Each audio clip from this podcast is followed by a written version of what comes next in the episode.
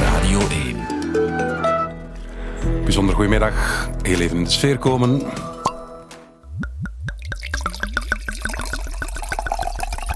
Ja, u heeft er zin in. Het is 12 uur eigenlijk, mag het. Het gaat vandaag, weet ik veel, over wine and food pairing. Wat wil dat zeggen? Dat vraag ik aan mijn gast vandaag, auteur van het boek Wijnboek voor Foodies, Christel Balkaan. Goedemiddag. Goedemiddag. Mag het vanaf 12 uur over alcohol gaan? Goh, voor mij mag dat vroeger ook, maar met mate. Met mate, uiteraard. Dat gaan we er moeten bij zeggen vandaag. Het gaat over wijn, het gaat over genieten, maar we doen dat allemaal uiteraard met mate. Alhoewel in deze feestperiode durft dat al eens overslaan naar wat uitzonderlijke hoeveelheden. Je hebt zelf, of je zei het net uh, toen je de studio binnenwandelde, ik heb met oudejaarsavond kaas met champagne gegeten. Ja. Um, en gedronken. Ja, het is nogal een drukke periode geweest, allee, ook met het boek en zo. En we hadden voor oudejaarsavond echt zoiets van, kijk, we gaan dat gewoon met ons tweetjes doen, mijn man en ik. En we hebben gekozen voor iets waar we weinig voorbereiding aan hadden, maar waar we toch het gevoel hadden van, kijk, dat is heel feestelijk, hier kunnen we echt van genieten.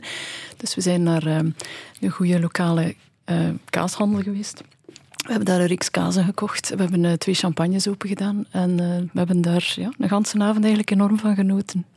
Ik denk onmiddellijk, ja, dat is die, die sprankelende wijn met kaas. Normaal gezien is het kaas- en wijnavond. Ja. Of kaas en bier.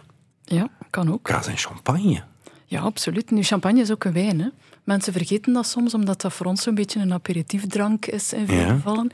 Maar champagne is ook een ongelooflijk goede maaltijdwijn. We hebben zo eerder al eens op kerstavond, een aantal jaar geleden bijvoorbeeld, een volledige, eigenlijk klassieke kerstmaaltijd gedaan. Dus met kalkoen en alles erop en eraan. En dan hadden we eigenlijk bij elke gang een champagne uitgekozen. Mag ik daar onmiddellijk aan toevoegen? Dure grap. Ja, maar dat valt eigenlijk ook wel mee, omdat ja, je hebt ook champagne van, van kleinere wijnbouwers bijvoorbeeld. En plus ook eh, minder maar beter is een beetje mijn principe daarin ook. Dus ik ben geen voorstander van eh, je sloten eh, wijn drinken waar je drie keer niets voor betaalt en die vaak ook naar niet heel veel smaakt. Ik drink dan eigenlijk liever iets minder, maar iets beter. En, eh, Degusteren. Absoluut. Ja, Goed, dat gaan we ook doen met jouw kennis. We gaan die degusteren. Het komende uur in eh, weet ik veel. Het gaat over wijn. Want Christel Balkaan is de gast. Wijnboek voor foodies, food and wine pairing. Ja, u gaat er honger en dorst van krijgen. Fijn dat u luistert. Goedemiddag, welkom bij Weet ik Veel. Well,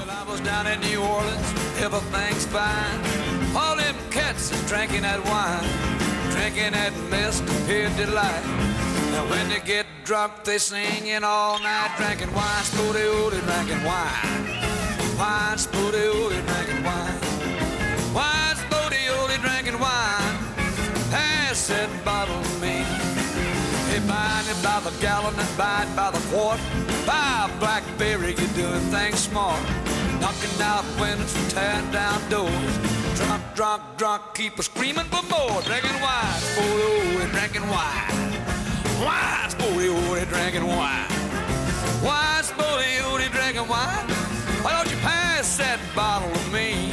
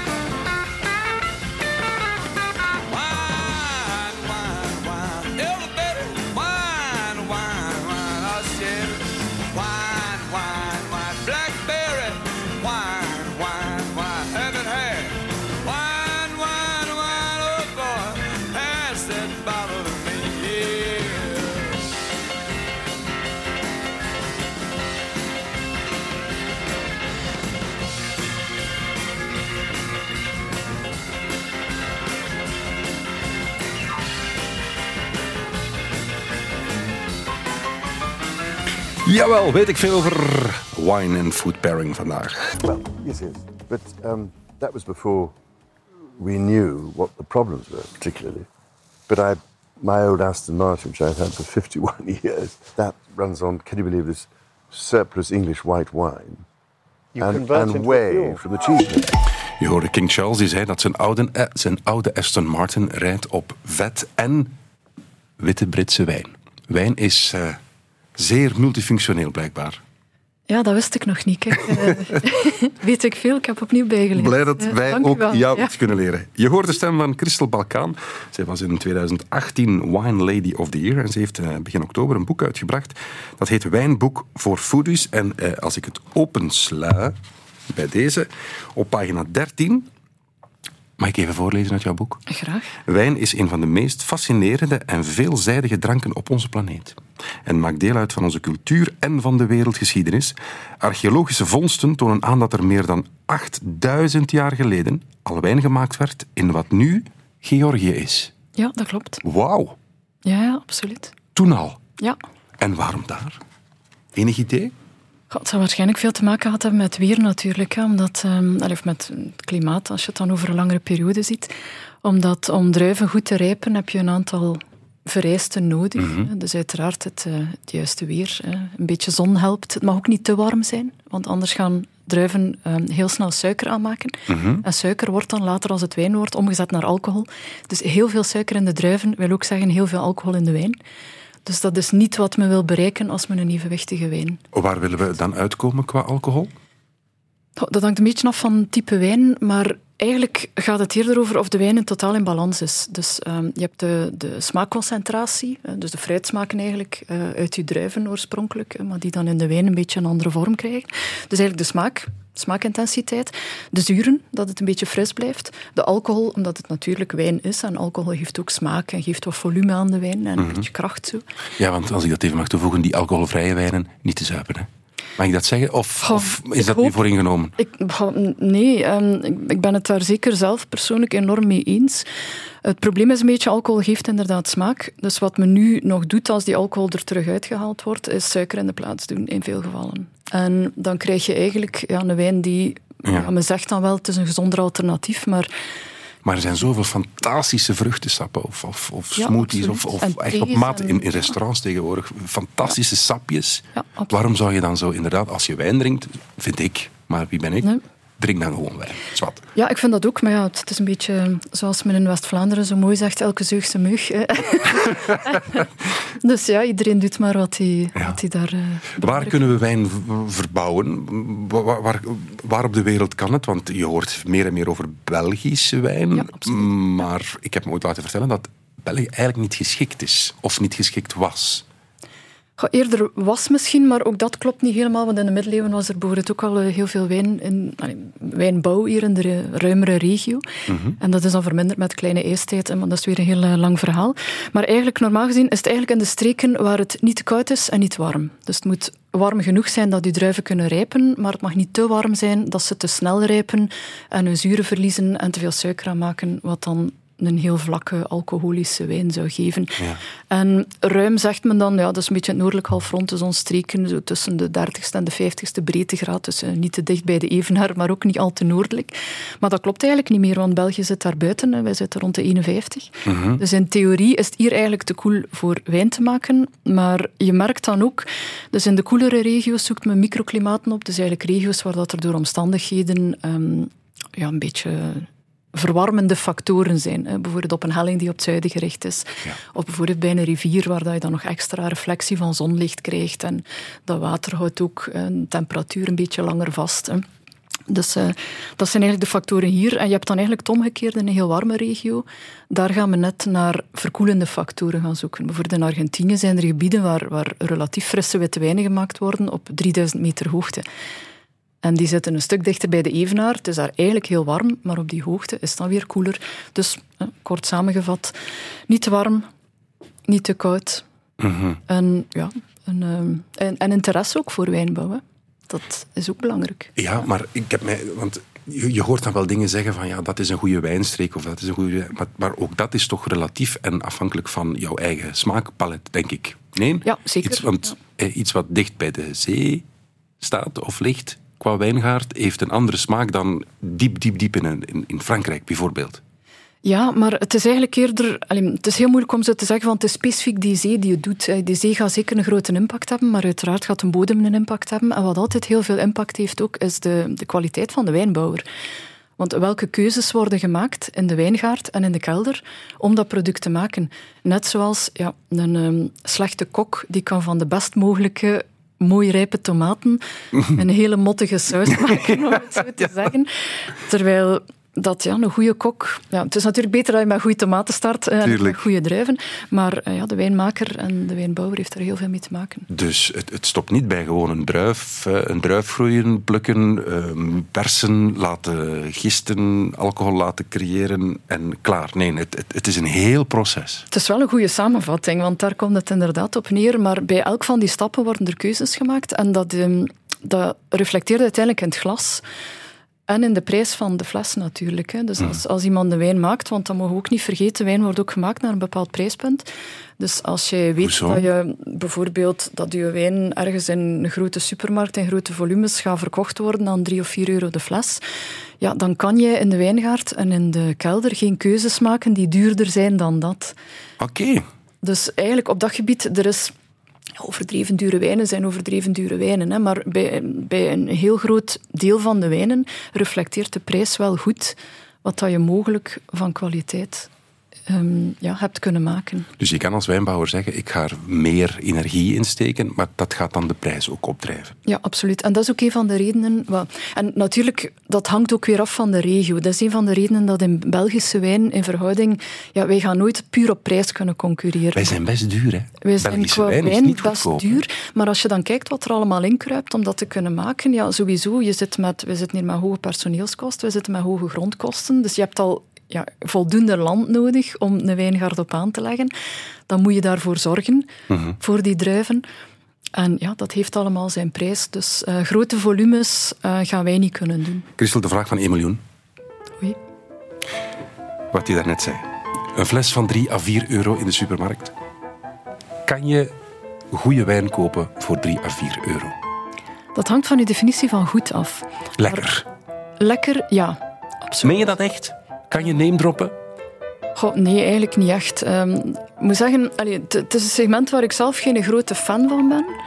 Omdat er, en dat is ook een beetje uit ja, persoonlijke filosofie, dus Mhm. mm -hmm. daar altijd wat voorzichtig mee zijn. Maar allee, ik geloof echt in dat minder maar beter verhaal. En wijnen van 3 à 4 euro, als je bedenkt wat er allemaal is moeten gebeuren om die wijn uiteindelijk in een fles en op de, op de, de ja, op trek te krijgen, uh, dat vraagt heel veel inspanning. En er zijn dus heel veel keuzes gemaakt. Er zijn... Um, ja, het komt uit een regio waar dat er een grote productie mogelijk is, dus warm klimaat, waar ze meestal mogen irrigeren. Dus ze mogen de druiven ook effectief water geven. En dan wordt dat in heel grote volumes geoogst. Dat wordt allemaal heel geautomatiseerd, machinaal verwerkt. En je krijgt een soort gestandaardiseerd product op het einde dat best wel lekker kan zijn. Mm -hmm. Maar ja, daar zijn dat heeft weinig eigen karakter. Voilà, dat heeft minder ja. ziel. En omdat ik natuurlijk heel veel met wijn bezig ben, vind ik die ziel net heel belangrijk. En ik heb ook wel graag dat een wijn een eigen karakter heeft, dat hij net een klein beetje anders maakt, dat hij mij verrast. Maar ik weet dat ik daar ook, allee, mensen die veel met wijn bezig zijn, zijn ook niet het standaard publiek voor wijn.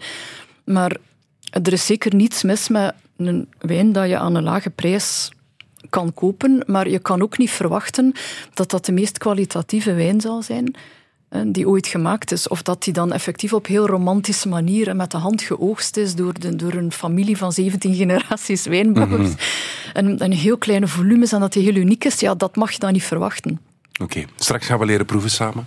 Super. Eerst even Guido Belcanto. Altijd goed. Lavendel,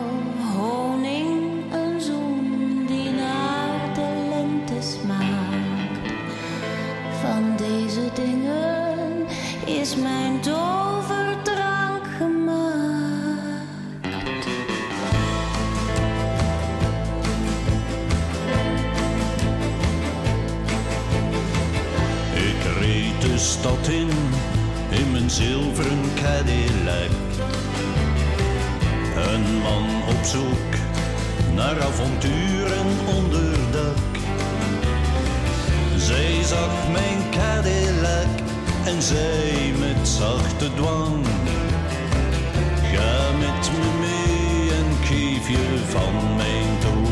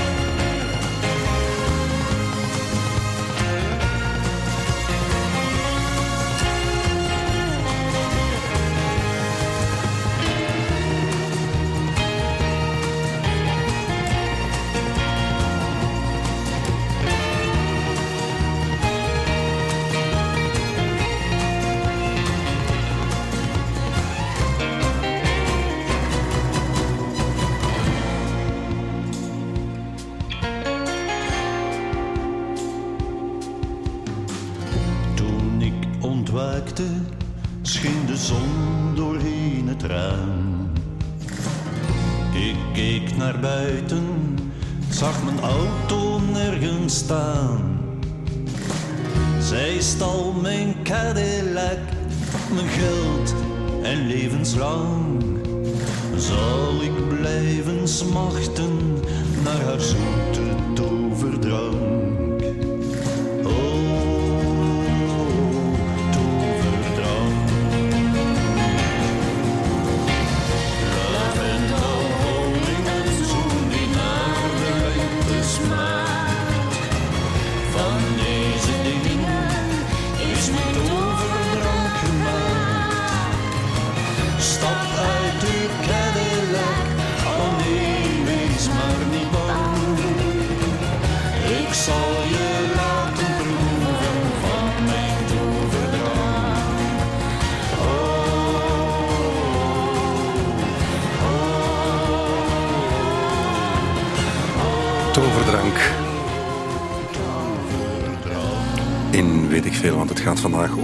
Food and wine pairing. We hebben een specialiste in de studio.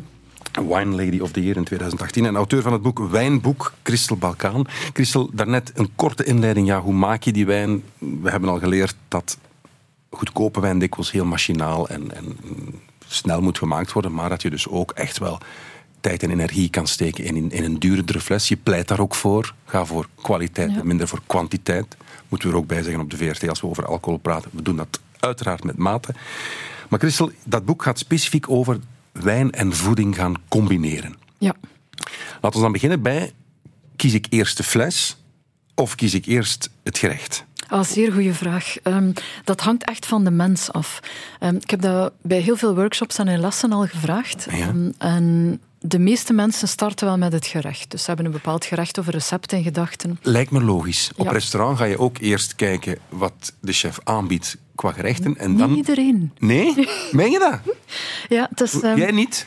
goh, ik ga vaak wel... Nu, uiteraard, allee, het hangt er een beetje van af, hè, maar ik ga toch wel regelmatig eerst een keer kijken van oh, dat is nu wel een wijn dat ik echt zou willen proeven.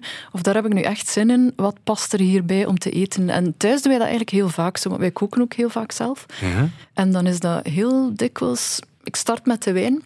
En dan een beetje kijken van, oké, wat groeit er nu in de tuin? Wat groeit er in de potten, in de veranda? Van kruiden en van eh, ingrediënten. Wat hebben we in de ijskast liggen? En dan heb je eerst de wijn geproefd, of niet? Ja, Ehm, puur af. meestal Ja. wel, vaak wel. Dus je, drinkt die, je neemt een Ehm, slok van die wijn Ja, en dan ga je op, Ja. op basis van die smaak ga je... Oké, dat gerecht wil ik daarbij eten. ja heel Wauw. wel.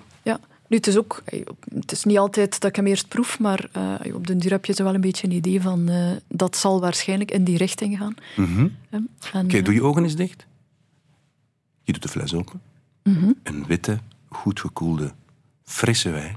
Ja. Beetje zuur, heel Mhm. fris. Welke maaltijd komt er dan automatisch boven? Ja, het is nu winter natuurlijk. Hè. Dus ehm, goh, ik denk dat ik daar eigenlijk voor een licht gebakken wit visje zou gaan. Mm. Maar ik zou dat dan natuurlijk moeten liggen hebben in de ijskast. ja. En omdat wij altijd ook, eh, wij kweken veel eh, groene groenten en ingrediënten en kruiden. En dan zou ik daar een heel fris kruidenslaatje bij doen.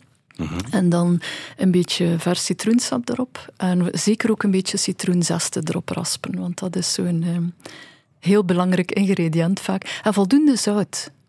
Hoezo? Je gerecht voldoende zouten, dat helpt vaak heel goed ehm, als je er een wijn bij gaat drinken. Eigenlijk voor, voor een beetje de balans, want zout is iets dat in de meeste wijnen natuurlijk wat ontbreekt. Allee, zuren heb je, een zoete indruk heb je van dat fruit, ook al is het een droge wijn, dus een niet-zoete wijn. Maar zo'n beetje extra zout in het gerecht, dat helpt heel vaak om dat bij elkaar te brengen. Mag ik u eh, wijzen op het gebruiken van een ongelooflijk cliché dat je bij witte wijn vis gaat eten? Ja, ehm, absoluut. Maar je kan ook bij ehm, veel vissoorten heel goed een rosé drinken. En heel vaak ook wel een lichte rode wijn.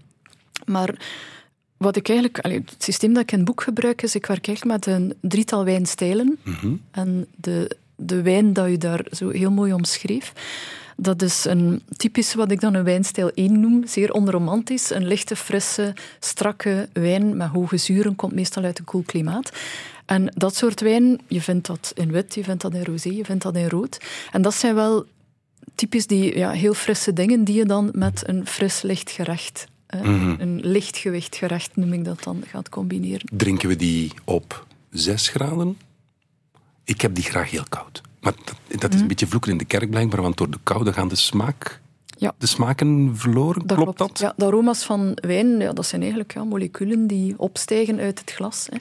En hoe kouder dat is, eh, hoe minder van die moleculen dat er eigenlijk vluchtig worden. Dus de dat complexiteit gaat wat verloren. Ja, dat klopt. Maar voor sommige wijnen is dat ook echt wel een voordeel. Dus sommige weten dat. Van die buchtenboerenwijn. Maar weten dat ze daarmee kunnen spelen, ook, hè, met de temperatuur van wijnen. Oké. En wij doen dat bijvoorbeeld ook soms als we zo eh, met twee op restaurant gaan.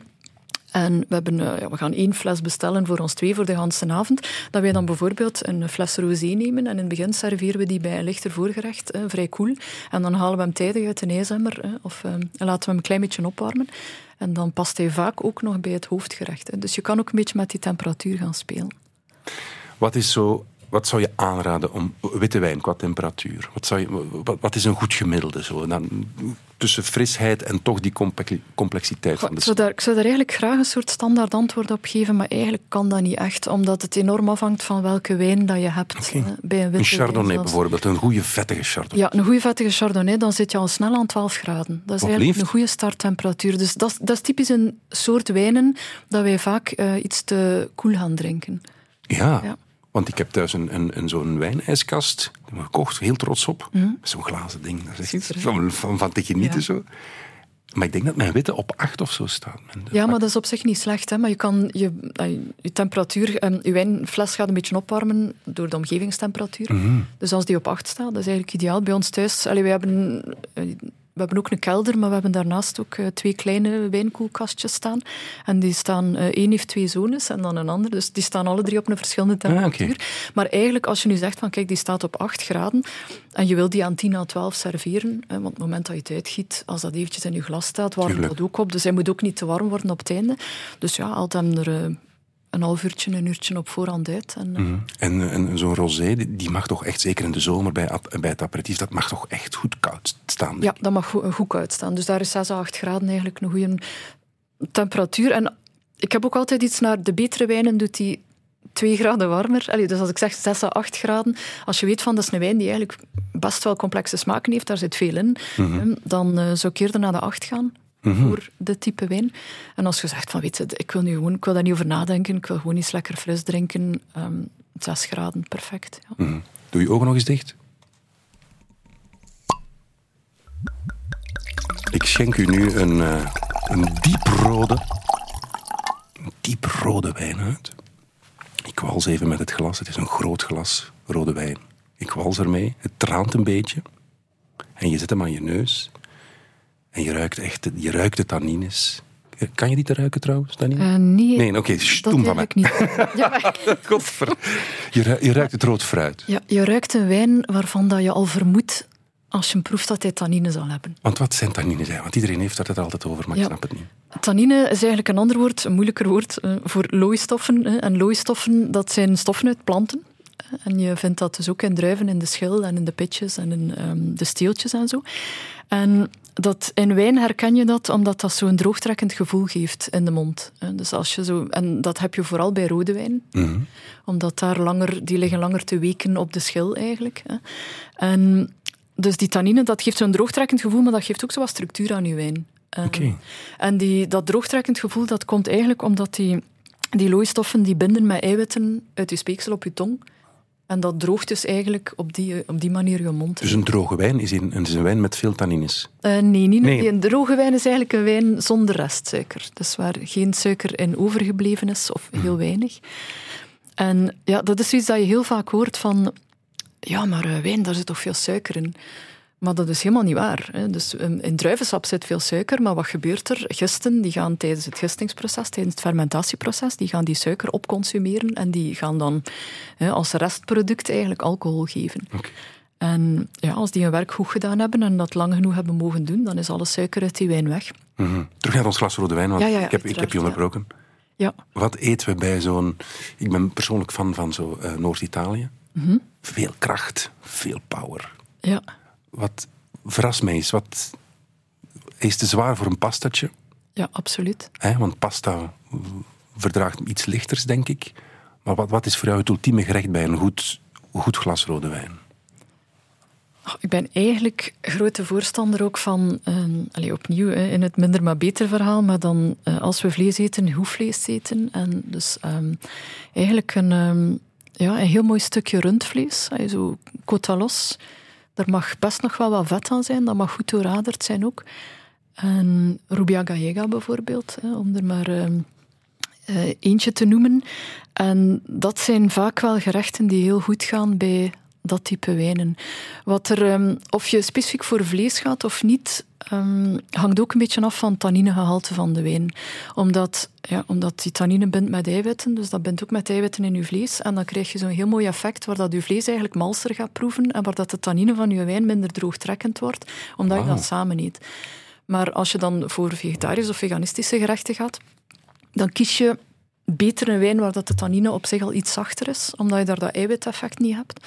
Ofwel moet je meer vetten gaan gebruiken. Dus dat kan dat ook zo een klein beetje Nu het, nu het woord eh, veganistisch uitspreekt. Eh, Erik Delleman stuurt ons een vraag. Wat maakt wijn vegan?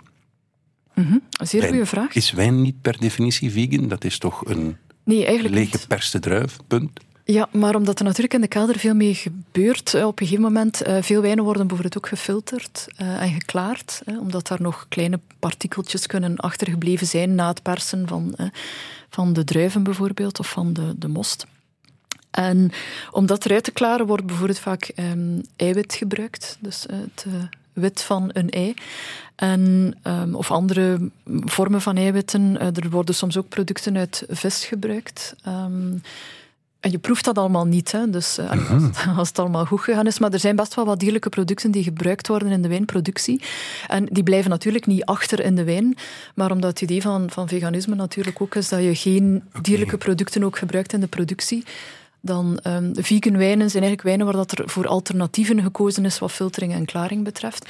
Maar je kan natuurlijk nog altijd niet uitsluiten dat er alles een vlieg of een mug mee tussen de druiven beland is bij de oogst. Maar dat zal wel meevallen. Ik heb er is ooit een link mij uitgelegd, maar ik ben vergeten wat het precies is, tussen varkenshaar en wijn. Kan dat? Dan moet ik eens even opzoeken. Je, je hoort het donderen in Keulen. Ik Ja, ga- dat zou best wel kunnen, maar ik moet zeggen dat mij dat nu niet bekend Ik is. ga, dat- ik Dus ga dat een keer dan- opzoeken. Ik Ja, ga, dat, ik ik ga eens op. We gaan, we gaan een, een plan trekken. Ik dacht in Overeten, met Danira in der tijd, dat we ooit iets met varkenshaar... Misschien vergis ik mij geweldig. Het zou kunnen. Ja. Als er vragen zijn voor eh, onze sommelier hier eh, in de studio Crystal Balkan, dan mogen die eh, gestuurd worden hè, via de Radio 1-app. Ondertussen, muziek. It's time. Taste the water. It's sweeter than wine. Now that we're older, I can't have you falling apart. You think you want it now, you think you need it.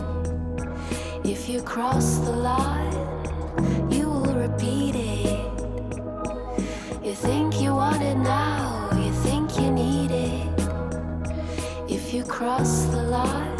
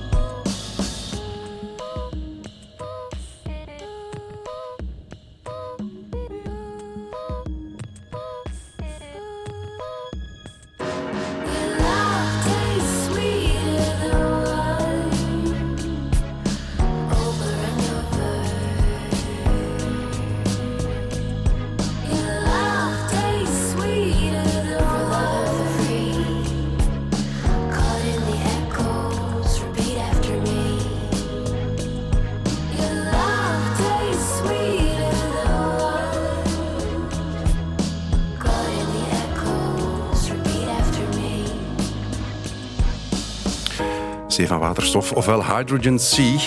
Met het nummer Wine. Toepasselijk voor deze weet ik veel, want het gaat over food pairing. Wijn combineren met eten. Een prachtig boek. Wijnboek voor foodies van Christel Balkaan. En Christel is bij ons vandaag. Ik, ik heb daarnet iets gezegd over varkenshaar en wijn. Eh, snel opgezocht en wat lees ik? Al eeuwenlang zijn het vooral dierlijke producten die worden toegevoegd tijdens het klaringsproces. De meest gebruikte producten zijn eiwitten, caseïne, gelatine en vis, visslijm. Huh. Ja, Maar gelatine is afkomstig van varkens. varkens, ja. Normaal Ja. van de botten. eh. Visslijm ook. Ja, er zijn eh, heel veel ja, dierlijke producten. Het zijn producten die binden met die... Dus die een soort binding geven met eh, de kleine deeltjes die nog in de wijn kunnen circuleren. Is het daarom dat dikwijls van die natuurwijnen wat troebel zijn? Ja, dus eh, wijnen die niet gefilterd zijn, allee, je kan die op zich, je kan ja, die, die deeltjes ook wel een beetje laten settelen. Hè. Ehm, maar, ehm, dus je hebt ook, het is niet omdat wijn niet gefilterd is dat hij niet klaar is. Maar veel natuurwijnen inderdaad, eh, daar hebben ze minimaal ehm, nog in ingegrepen in de kelder. Dus die kunnen vaak troebel zijn, maar dat is op geen enkele manier schadelijk. Hè. Dus gewoon veel mensen hebben graag een heldere wijn en denken dat dat anders misschien foutief is, maar dat is helemaal niet waar. Ja. We zijn deze uitzending begonnen met champagne en kaas. Mhm. Maar combinatie wel... Zet u schrap, we gaan u nog een paar suggesties doen. Het is nog altijd kerstvakantie, we zijn nog altijd feest aan het vieren. Beste Christel. Geef ons eens een eens inspiratie om bijvoorbeeld bij een, een, een lichtrode wijn. Ja, om eigenlijk terug te komen op die vis met witte wijn van daarnet. eh veel lichte rode wijnen bijvoorbeeld, die passen ook wel zeer goed bij bepaalde visgerechten. Mhm. Zalm bijvoorbeeld. Eh, zalm, Zalm, een rode wijn. Ja, ehm, maar dan een lichte rode wijn, dus hoge zuren. Pinot Noir bijvoorbeeld, veel eh, Pinot Noir wijnen uit koele klimaten of eh Gamay wijnen passen eigenlijk zeer mooi. Ehm, Oostenrijk, ook zo'n heel mooi wijnland. Het Zweigelt, Oostenrijkse Zweigelt, past heel vaak bij mooie zalmgerechten. Ja. En gaan we die rode wijn, wat we daarnet besproken hebben, ook net iets koeler serveren dan die zware rode wijn? Absoluut, ja. Dus rond de 14 graden is eigenlijk een goede temperatuur voor veel van die wijnen. Natuurlijk, als je een Pinot Noir, zo klassieke houtgelaagde Bourgogne hebt, hè, dat, dat zijn vollere wijnen dan de wijnen waar ik het nu specifiek Mhm. over had. Hè. Dus die zou je dan beter weer iets warmer serveren en niet bij zalm. Je suggereert nu rood bij vis. Heb je ook een voorbeeld van wit bij vlees? Ja, een van onze favoriete combinaties thuis, waar ik al veel mensen mee verrast heb en aangenaam verrast, eh, is ehm, wij zijn groot fan van Alsace Rieslingwijnen. Dus eh, de vollere, zeer aromatische Alsace Rieslings. En die doen het zeer goed bij bijvoorbeeld chili con carne en bij alle mogelijke curry's.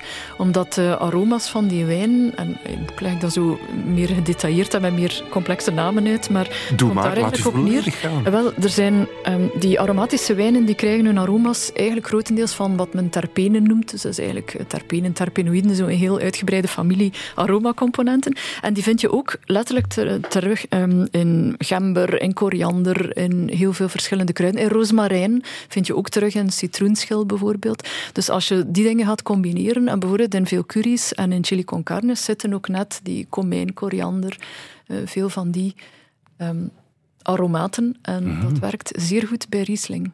Riesling. Dat was vroeger zo de bomma-wijn. Hè? Ja, ja, ja, de Dat had niet zo'n geweldig imago, Ja. Riesling. Maar Riesling is een schitterende druif. Het is echt mijn absoluut favoriete druif onder de Echt? witte. Ja. En waarom? Net, net door de aromatische, denk ik. En omdat je daar gastronomisch zo enorm veel kan mee doen. En het komt ook in heel veel stijlen. Hè. Ze hebben wel allemaal veel zuren. Riesling heeft altijd hoge zuren, dus niet iedereen is daaraan.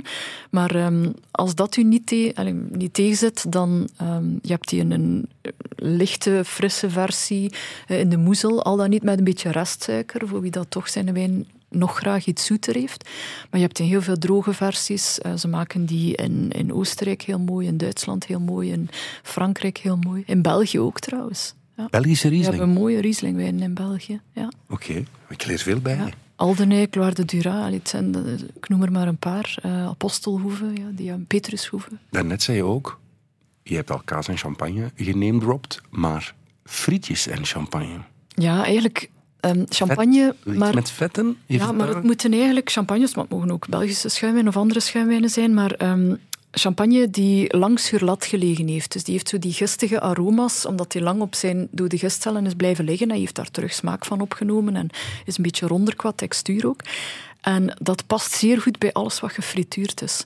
Dus dat mag zelfs, ehm, ja, bij wijze van spreken, een worstenbroodje zijn. Ik ben nogal fan van die high-low pairings. hè, Zo, zo laag. Worstenbroodjes. Ja, dus, en, eh, of met frietjes of allerlei soorten, met kaaskroketjes, garnaalkroketjes. Ja, en, ehm, ja, en ehm, met mooie streekproducten in het algemeen. Dus, ehm, Ik, zie, ik zie me inderdaad zo eh, aan zee in een strand, maar inderdaad iets vettig met, Ja. met een sprankelende wijn. Ja, en ik ben nog wel. altijd op zoek naar, naar de eerste frituur die het aandurft, hè, die echt topnotch materiaal maakt, eh, met schitterende producten werkt en die dan eh, een keuze heeft van een aantal champagnes per glas of per fles.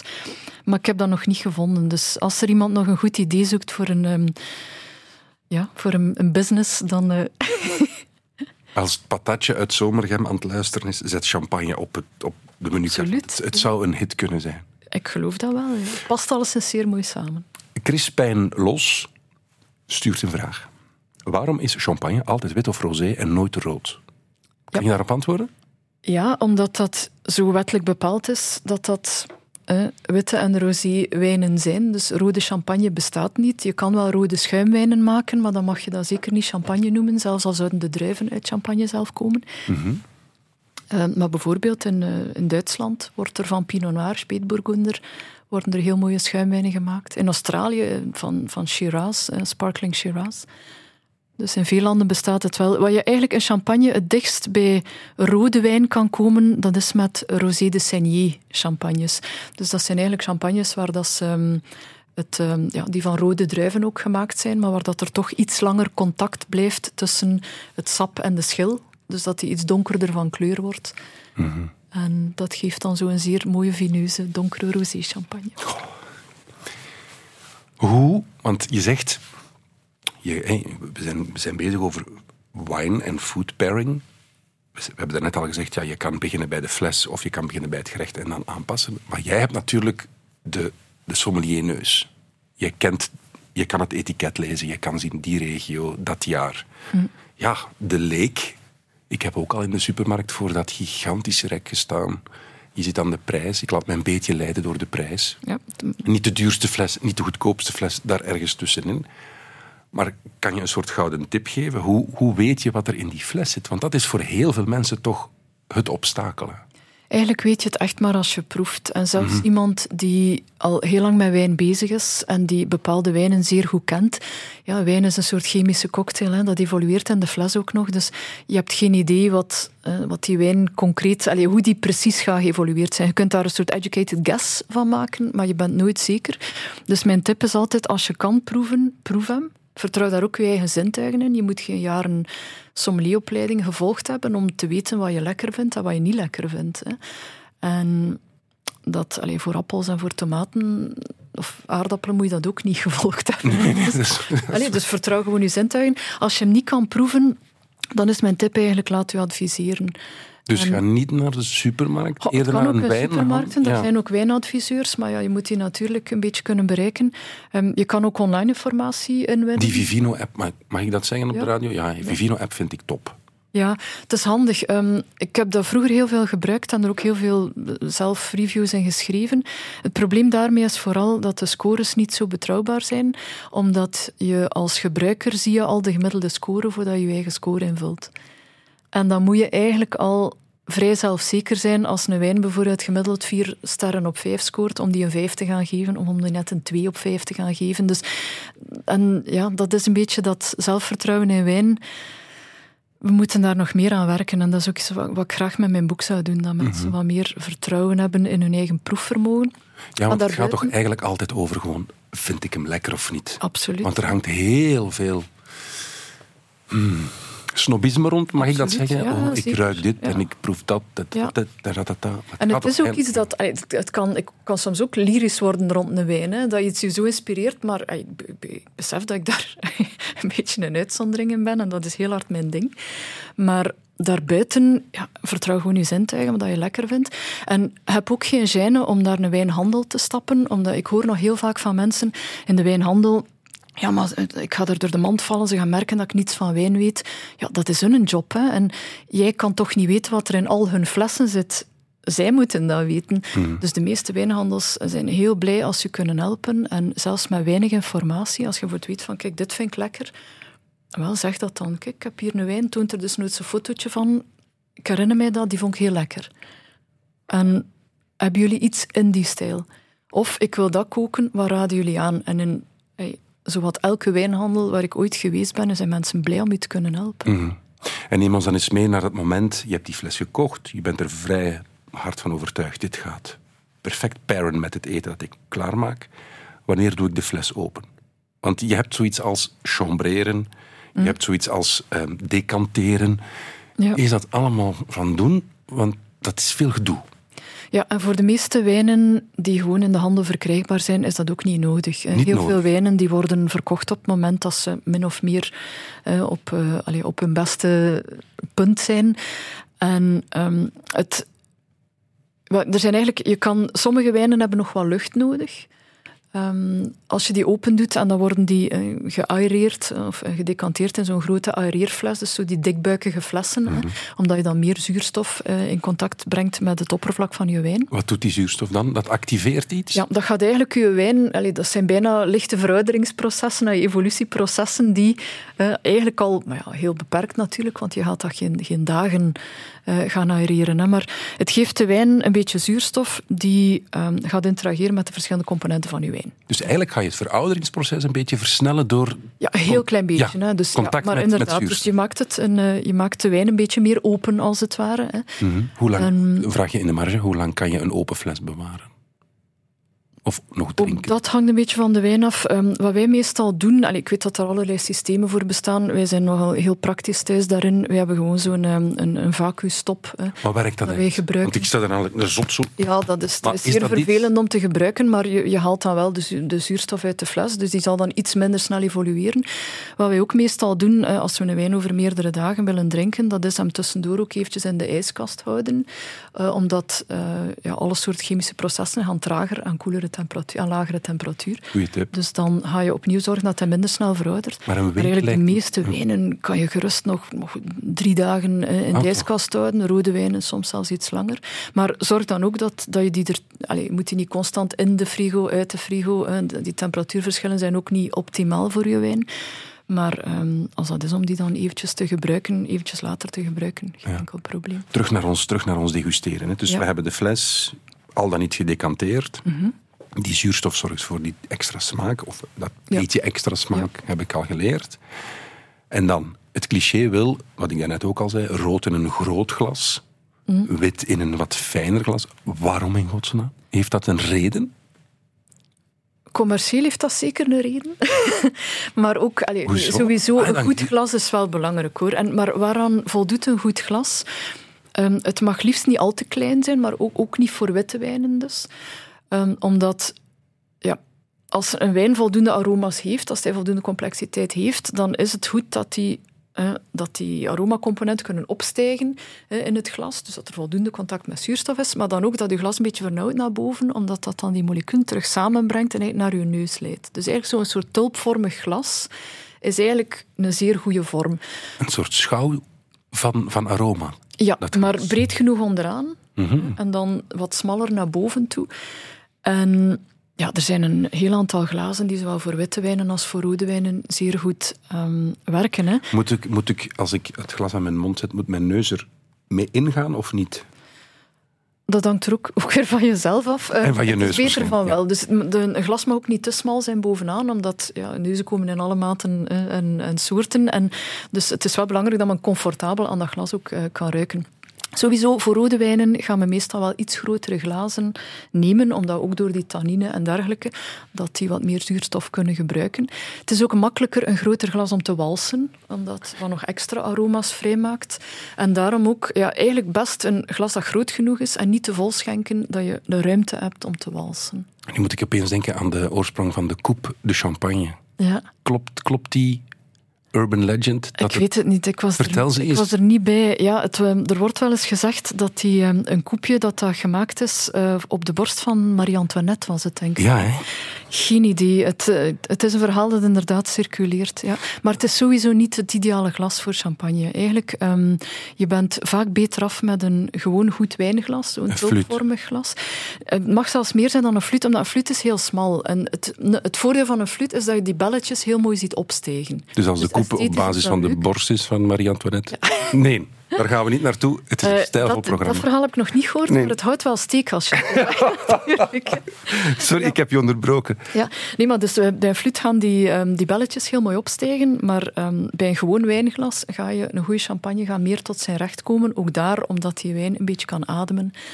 En, um, ja, en bij een koepje verliest, verliest je eigenlijk je belletjes te snel. Hoezo? Ah ja, omdat, omdat dat breder is, dus je hebt inderdaad veel oppervlak. En, ja. Christel, je hebt me heel veel zin doen krijgen in eten en drinken. Super. Wat zou je... Geef nog eens één recept mee voor mensen die nu aan het luisteren zijn en die vanavond nog geen plannen hebben, die, die nog in de keuken kunnen gaan. Geef eens een, een, een food pairing dat je op dit moment zou aanraden van dat wijntje, dat gerechtje, op deze regenachtige dag. regenachtige dag mag dus wat pit hebben. Hè. Dus dan zou ik echt wel gaan voor een goede curry of iets lichtjes pikant. En daar dan een mooie riesling bij. Denk wat dat, je daarnet ook al zei. Ja. Ik denk dat dit bij dit seizoen ook echt wel zeer geschikt is. Of als alternatief, um, als je gaat voor een, uh, een vleesstoofpotje of een stoofpotje met, uh, met wortelgroenten bijvoorbeeld en, en uh, allerlei paddenstoelen, dan kan je daar ook een, bijvoorbeeld een, rode, een rode wijn, een vollere rode wijn, met best wel wat kracht, maar mooie rijpe tannines, mooi rijp fruit. Dus ja, heel typisch zuidelijke Rhone bijvoorbeeld. Mm. Ja. Stoofpotje rood, curry wit. En bij het dessert, want dat is altijd zo van die zoete... Ja. Heb je daar ook nog een alternatief? Er zijn veel zoete wijnen, maar ik ben zelf grote fan van droge sherry's. En dan bedoel ik niet de, de Fino of de Manzanilla voor bij een dessert, dat zijn van de witte sherry's, maar eerder de Amontillado,'s en de Olorosos. Dus dat zijn types um, van sherry die helemaal droog zijn, dus geen suiker, niet zoet. En die bij, zowel bij kazen vaak heel mooi zijn, maar bij alle mogelijke desserts met noten uh, het ook vaak zeer goed doen. En ja, dus dat zijn zo ja, bruin gekleurde, geoxideerde mm sherry's of oxidatief gemaakte sherry's. En dat aperitief blijft de klassieker toch een schuimwijn als aperitief? Ja, of een frisse witte wijn, zoals die dat je daarnet zelf zo mooi uh, omschreven hebt. Zo die... Mm. Christel Balkaan, zeer bedankt voor u, om uw kennis met ons te delen. Ik maak met heel veel plezier. Even reclame voor Wijnboek voor Foodies, uitgegeven bij Belkmans. Dit was Weet ik Veel voor vandaag. Morgen gaat het weer over iets helemaal anders. Radio 1. Weet ik Veel? Dit is het einde van deze podcast van Weet ik Veel. Weet ik Veel is trouwens een programma van Radio 1. Op radio1.be vindt u nog veel meer.